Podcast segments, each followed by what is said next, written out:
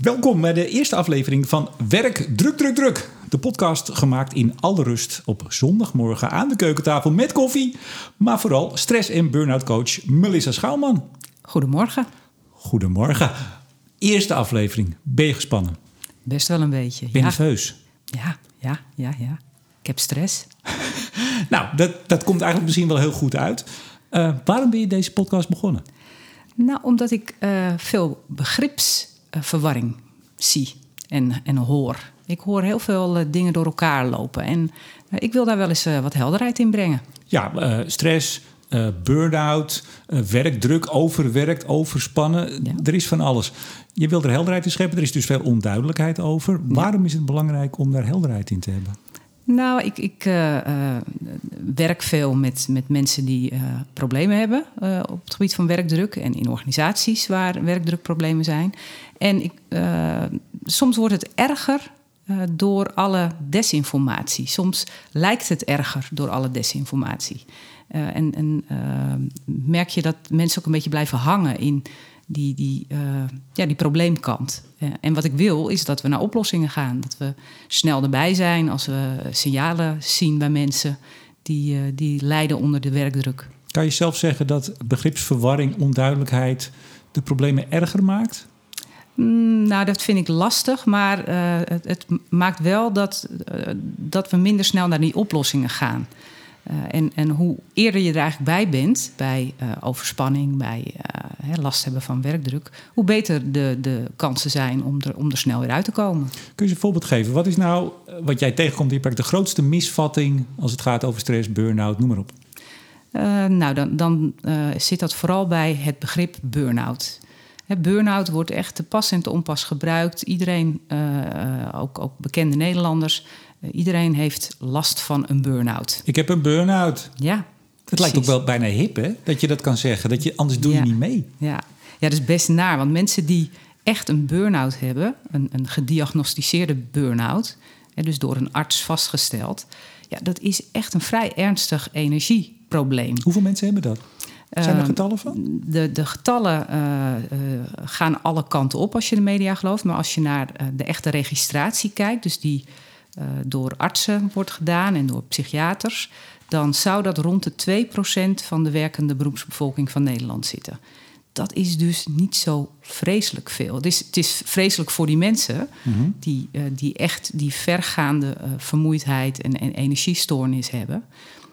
Maar uiteindelijk lijkt het toch wel veel minder te zijn dan als je de berichtgeving volgt hierover. Uh, dat wil overigens niet zeggen dat er niet iets anders aan de hand is. Dat er niet iets uh, in, in de sfeer van overspanning aan de hand is. Zijn daar ook getallen van? Uh, ja, dat houdt TNO best wel aardig bij.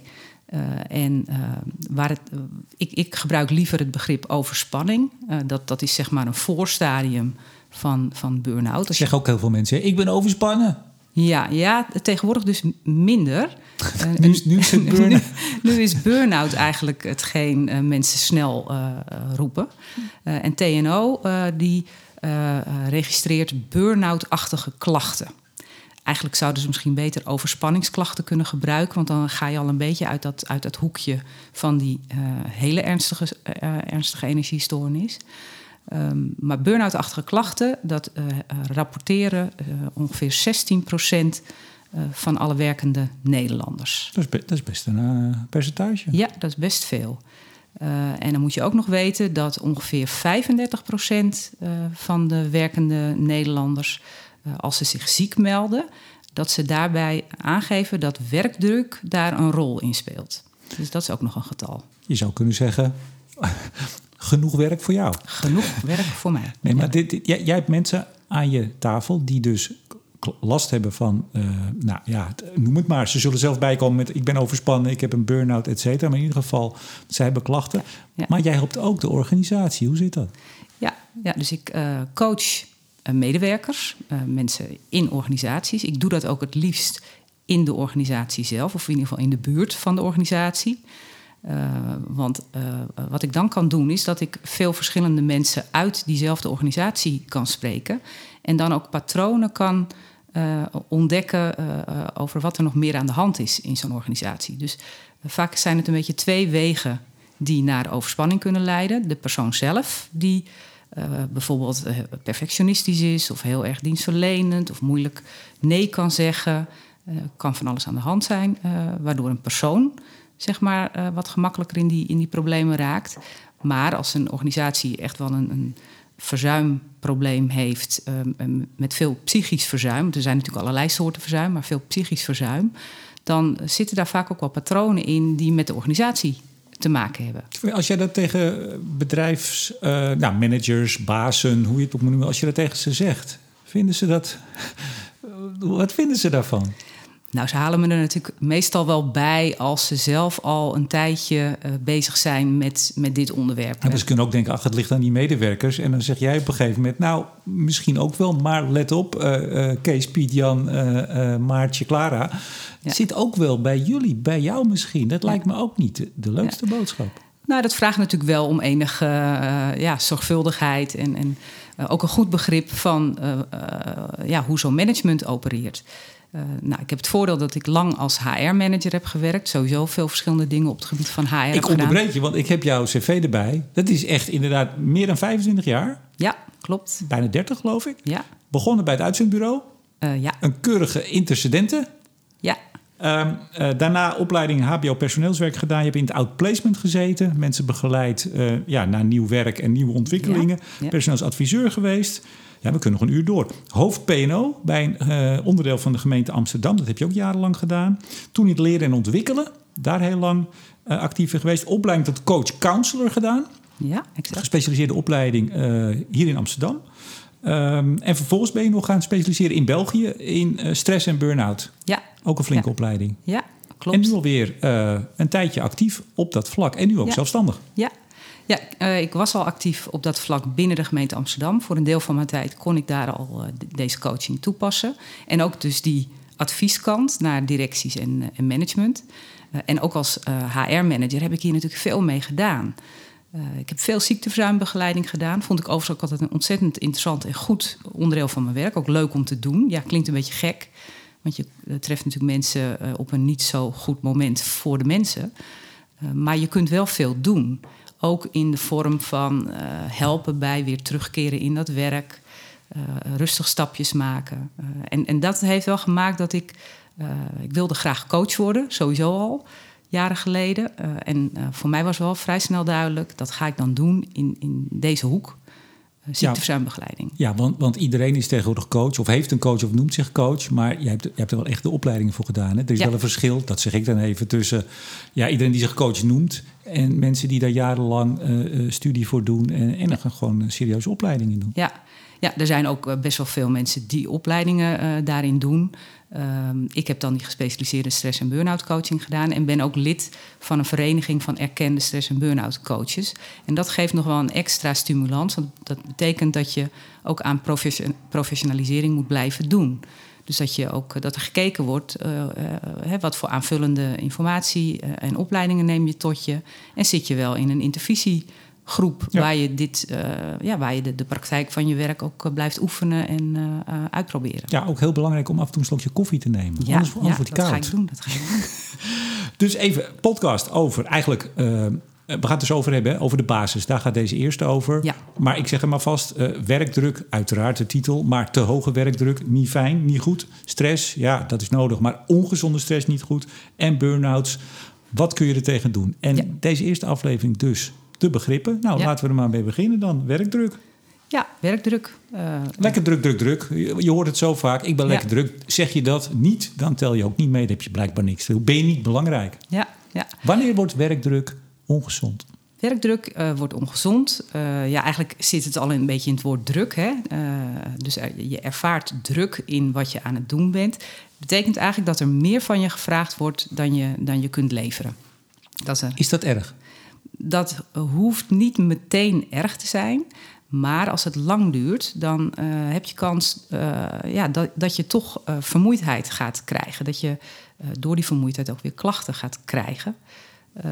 Uh, dus het is wel iets om in de gaten te houden. Want ik kan me voorstellen dat de ene medewerker, de ene persoon, wat langer, wat meer druk aan kan. En dat de ander al misschien wat sneller daar echt last van ondervindt. Ja, Kijk, eh, wat er kan gebeuren is dat er uh, aan iemand daadwerkelijk meer wordt gevraagd. Hè? Dus dat van het ene op het andere moment een opdracht veel complexer blijkt te zijn, of veel sneller geleverd moet worden, of dat iemand zijn eigen draagkracht wat minder is. Er kunnen eh, omstandigheden zijn privé, maar ook binnen de werkcontext kunnen er omstandigheden zijn die maken dat iemand uh, ja, eigenlijk zelf er wat minder sterk in staat. Ja, en dan stapt iemand naar zijn manager die zegt: Joh, uh, ik sta er even iets minder goed in. Ik heb een beetje veel. Ja, gebeurt dat? Stappen mensen snel naar hun leidinggevende? Ja, gelukkig zijn er mensen die dat doen. Uh, gelukkig zijn er ook steeds meer mensen die uh, zeg maar, uh, ondersteund door de coach uh, dat soort stappen doen. maar het is niet voor iedereen vanzelfsprekend. Hè, dus in de persoon zelf kan iets zitten waardoor het voor die persoon moeilijk is om, om dit te doen. Het vraagt een zekere mate van assertiviteit je moet ook wel uh, het gevoel hebben van, ja, er is echt iets een beetje scheef. Uh, ik, ik wil daarover uh, over praten en ik kan daarover praten. En soms is er ook in de verhouding binnen zo'n organisatie, kan er ook iets zijn waardoor het moeilijk is. Hè? Ja, ja want, want jij werkt ook eigenlijk alleen met mensen die zelf aangeven, ik heb last. Ik heb ja. hier last van. Het is niet dat ze naar jou toegestuurd worden van nou ga maar eens met te praten. Iemand moet wel gemotiveerd zijn en echt willen werken aan ja. ja waar hij last van heeft. Ja, ik, dat, dat is uh, wel een voorwaarde. Hè, dus dat iemand zelf ook echt uh, uh, die begeleiding wil. Dat neemt niet weg dat er ook wel mensen soms naar mij toe gestuurd worden. Omdat ik ook wel vaak mensen begeleid die in het ziekteverzuim zitten. En dan heb ik toch wel die leidinggevende nodig die dan uitlegt: hey, zou dit wat voor je kunnen zijn? Dan is wel het eerste gesprek, gaat, gaat er dan wel over. ja, hoe, hoe ziet iemand zelf die begeleiding? Heeft hij, ja, heeft hij daar behoefte aan? Uh, wil die daar wat ja. mee? Je bent stress- en burn-out coach. We gaan naar stress. Ik zei dit al even, ja, stress is op zich niet slecht, maar op een gegeven moment krijg je verkeerde stress of te ja. veel stress. Of hoe, hoe, hoe duid jij dat? Hoe, hoe benoem je dat als coach uh, op dit gebied? Wanneer is stress ongezond? Ja, want uh, om, om daar ook maar even de basis te benoemen. Stress is op zich gewoon de prikkel die wij mensen nodig hebben om tot actie te komen. Uh, dat hebben we nodig. Ja, zonder die prikkel ja, zouden we eigenlijk niet kunnen overleven. We, we hebben acties nodig om ja, onszelf uh, te beschermen, om, om dingen te doen. Alleen als die, die prikkel de hele tijd maar blijft gaan. en we hebben het gevoel dat we de hele tijd in actie moeten komen. en het staat ons in de weg om te rusten en te herstellen. Ja, dan begint stress ongezond te worden. He, dan, dan gaat er iets mis in de balans. Eigenlijk is het iets, het, iets te veel van wat op zich in basis goed ja. is, wat ze zelfs nodig hebben, maar het is ja. te veel. Maar, maar ja, wanneer is iets te veel? Ja, dat is toch iets wat uh, begint bij uh, dat mensen dat, dat zelf uh, moeten gaan, gaan leren aanvoelen. Niet iedereen is daar even goed in. soms heb je er ook de omgeving wel voor nodig. Uh, die, die zegt: hey, uh, is het niet allemaal een beetje veel? Uh, hè, dus mensen die ver buiten de werkuren dingen blijven doen, die misschien tussen neus en lippen door eens roepen dat ze eigenlijk heel slecht slapen, dat ze slecht inslapen. Die misschien ze... uitvallen tegen hun partner of tegen de kinderen? Ja, ja want dat is ook wel een van de eerste dingen die, die vaak voorkomen. Hè, dus dat mensen emotioneler worden, dat ze minder kunnen hebben. Uh, nou, dat, dat, soort, dat soort zaken. Dus het, ja, het liefst heb je natuurlijk dat iemand het zelf aanvoelt en merkt van hé, hey, dit, is niet, dit is niet meer goed. Uh, maar vaak is er toch ook die omgeving wel uh, voor nodig. En dus ook de werkomgeving. Dus dat is ook waar ik met die directies en die, in, en die managers over praat. Van hoe kun je hier nou uh, eerder bij zijn en, en wat voor soort gesprek heb je dan? Ja. Dus het is, het is zaak als het je lukt om het bij jezelf te zien. Nou, dat is moeilijk. Misschien ja. dat je partner of je collega. Dus het is ook goed dat collega's het van elkaar zien. Dat ze ineens zien, goh, die is wel erg prikkelbaar. Of in ieder geval, die, die, die redt het niet. En nou zeiden we net al, of jij vertelde net al, uh, maar 2%, gelukkig maar 2%, relatief weinig, maar voor hun nog heel, heel naar, hebben een uh, burn-out. Uh, dan gaat het dus over die burn-out-achtige klachten. Wanneer gaat, gaat stress echt over in burn-out-achtige klachten? Kun je dat benoemen? Mm, nou, dat vind ik best lastig te benoemen. Uh, maar uh, overspanning, hè, als, je, als je zegt, nou ja, burn-out-achtige klachten. Dus dat kan van alles zijn. Hè. Dat kan, nou, bijvoorbeeld slecht slapen, wat je al slecht zei. Slecht slapen, dat is ook trouwens nog een soort extra katalysator. Hè. Dus dan, dan zijn er misschien nog wel andere dingen aan de hand. En dan slaap je ook nog slecht. Dat, dat, versterkt ook die andere klachten. Maar mensen kunnen echt uh, nekpijn, uh, schouderklachten, frozen shoulder. Maar ook concentratieproblemen, moeilijk kunnen focussen. inderdaad, die emotionele kant, hè, dus dat mensen minder kunnen hebben. Er kan van alles zijn. Um, en uh, overspanning is vaak iets wat, wat zich in een periode van zo'n beetje een half jaar uh, kan afspelen. Dan, dan spreek je nog steeds over overspanning. Ja. Dus de, de een die zal daar misschien uh, binnen een maand al van denken: oei, dit is niet goed. En een ander loopt er dan best nog wel lang mee door. Nou, help jij individuele mensen, je helpt ook bedrijven, de organisaties, de, de afdeling. Merk je nou ook als je, we doen het nu even heel kort natuurlijk, dat je even die begrippen neerzet, dat je er even helderheid in geeft. Ja. Merk je dan ook al dat mensen zeggen van, ah, ja. het helpt? Ja, ja, zeker. Dus uh, uh, het vertellen over wat zijn nou uh, daadwerkelijk die signalen. en bijvoorbeeld zo, zoiets als die concentratieproblemen en dat moeite met focussen. Dat is er eentje waar ik heel vaak mensen opgelucht adem zie halen. zowel leidinggevenden die met iemand te maken hebben die, die klachten heeft, of de persoon zelf. Zo van, ah, gelukkig. ja, klinkt ook een beetje gek, want iemand heeft natuurlijk dan toch wel problemen. Uh, maar mensen kunnen echt uh, in hun eentje uh, het gevoel krijgen: oei, het gaat echt helemaal niet goed met mij. Het al benoemen en het in beeld krijgen van wat hier speelt, is al een deel van de oplossing, zeg ik dan. Ja, ja dat klopt. Nou, we hebben even heel kort de basis gedaan. We gaan iedere twee weken, althans jij, gaat een aspect eruit halen. ik heb al een lijstje gezien, we gaan hem niet benoemen, maar het zijn heel veel aspecten uh, vitaliteit, noem maar op, allerlei onderdelen van dit proces. Ja. Uh, komen tot het herkennen van stress, burn-out-achtige klachten, et cetera. Het, uh, ja, ik heb ook iets opgeschreven natuurlijk, moet ik het er wel bij pakken. Ja, dus het herkennen, het voorkomen en uiteindelijk natuurlijk ook het herstel. Ja. Als, het ja. als, als het al te ver is. Ja. Ja, het liefst wil je natuurlijk naar preventie. Hè? Wil je zo vroeg mogelijk, in zo'n vroeg mogelijk stadium uh, met elkaar niet die hele weg van, van ernstige overspanning en misschien wel die burn-out uh, opgaan. Het kan bijna geen toeval zijn dat in jouw bedrijfsnaam zit burn-out aanpak, stress en burn-out aanpak en preventie. Ja. Zeg ja. je het dan goed? Uh, burn-out aanpak en preventie. Precies. Ja. Waar stress en werkdruk en alles bij komt kijken. Iedere twee weken ja. uh, ga jij de luisteraars daarover bijpraten hoe het zit. En nou, daar kunnen ze een voordeel mee doen. Hebben we voor nu nog iets vergeten voor de basis? Nou, er was een leuk voorbeeldje in de praktijk. Wat, ja, dus wat... Dat, heb ik, dat heb ik zelfs gehoord. En ik zit hier niet in. Stichtse Vecht, de gemeente. Ja. Daar loopt het ze allemaal over de schoenen. Het piept en kraakt in, in de organisatie. Veel ziektes. Ja. veel ziekte, maar ook veel vacatures. Dat zal ongetwijfeld met elkaar te maken hebben. Ja. De hoge werkdruk. En daar hebben de managers... die moeten nu 20 tot 25 procent... Ja. Minder werk. Het werk Gewoon, verminderen. Doe maar minder. Ja. Is echt moet, bijzonder, toch? Die moeten echt drastisch gaan snoeien in de, in de werkpakketten. Uh, en dat is die, die uh, combinatie inderdaad van hoog ziekteverzuim... Uh, en dan ook nog personeel eigenlijk nodig hebben. En het hoeft niet eens direct met elkaar te maken hebben gehad... maar doordat er dan uh, ook door, door het ziekteverzuim weinig mensen zijn die het werk kunnen doen, wordt het natuurlijk steeds zwaarder voor de zittende mensen. Dus het wordt een soort domino. Uh, effect wat je, wat je krijgt. Maar misschien wel goed dus dat dit soort dingen ook steeds meer naar buiten komen. In dit ja. geval en er ook, het was in Binnenlands Bestuur geloof ik een artikel. Klopt. Er wordt over geschreven. Nou, jij zit ook veel bij gemeentes. Je zit ook bij niet-gemeentes, Ja. bij niet-overheden. Um, hoe kunnen mensen jou bereiken als ze feedback, opmerkingen, vragen wellicht? Uh, nou, ik vind het zelf uh, wel interessant om dat via LinkedIn uh, of Twitter terug te horen. Ik denk dan een DM, even een privébericht. Ja, kan zeker. Kan zeker. Mag ook als mensen zeggen, nou, ik heb meer in zijn algemeenheid dingen die ik erover kwijt wil. Fantastische podcast, zeggen ja, ze dan. Bijvoorbeeld, dat, dat is heel leuk ja. als dat in het openbaar gaat. Ze kunnen jou makkelijk vinden. Melissa Schouwman, Schouwman zonder W. Ja, S-C-H-O-U-M-A-N. Ja. Nou, daar is er maar één van in Nederland. Klopt. Twee Ja. in de wereld, maar die andere zit in Amerika. Dus daar Ja. hoeven we ons niet uh, druk mee te maken.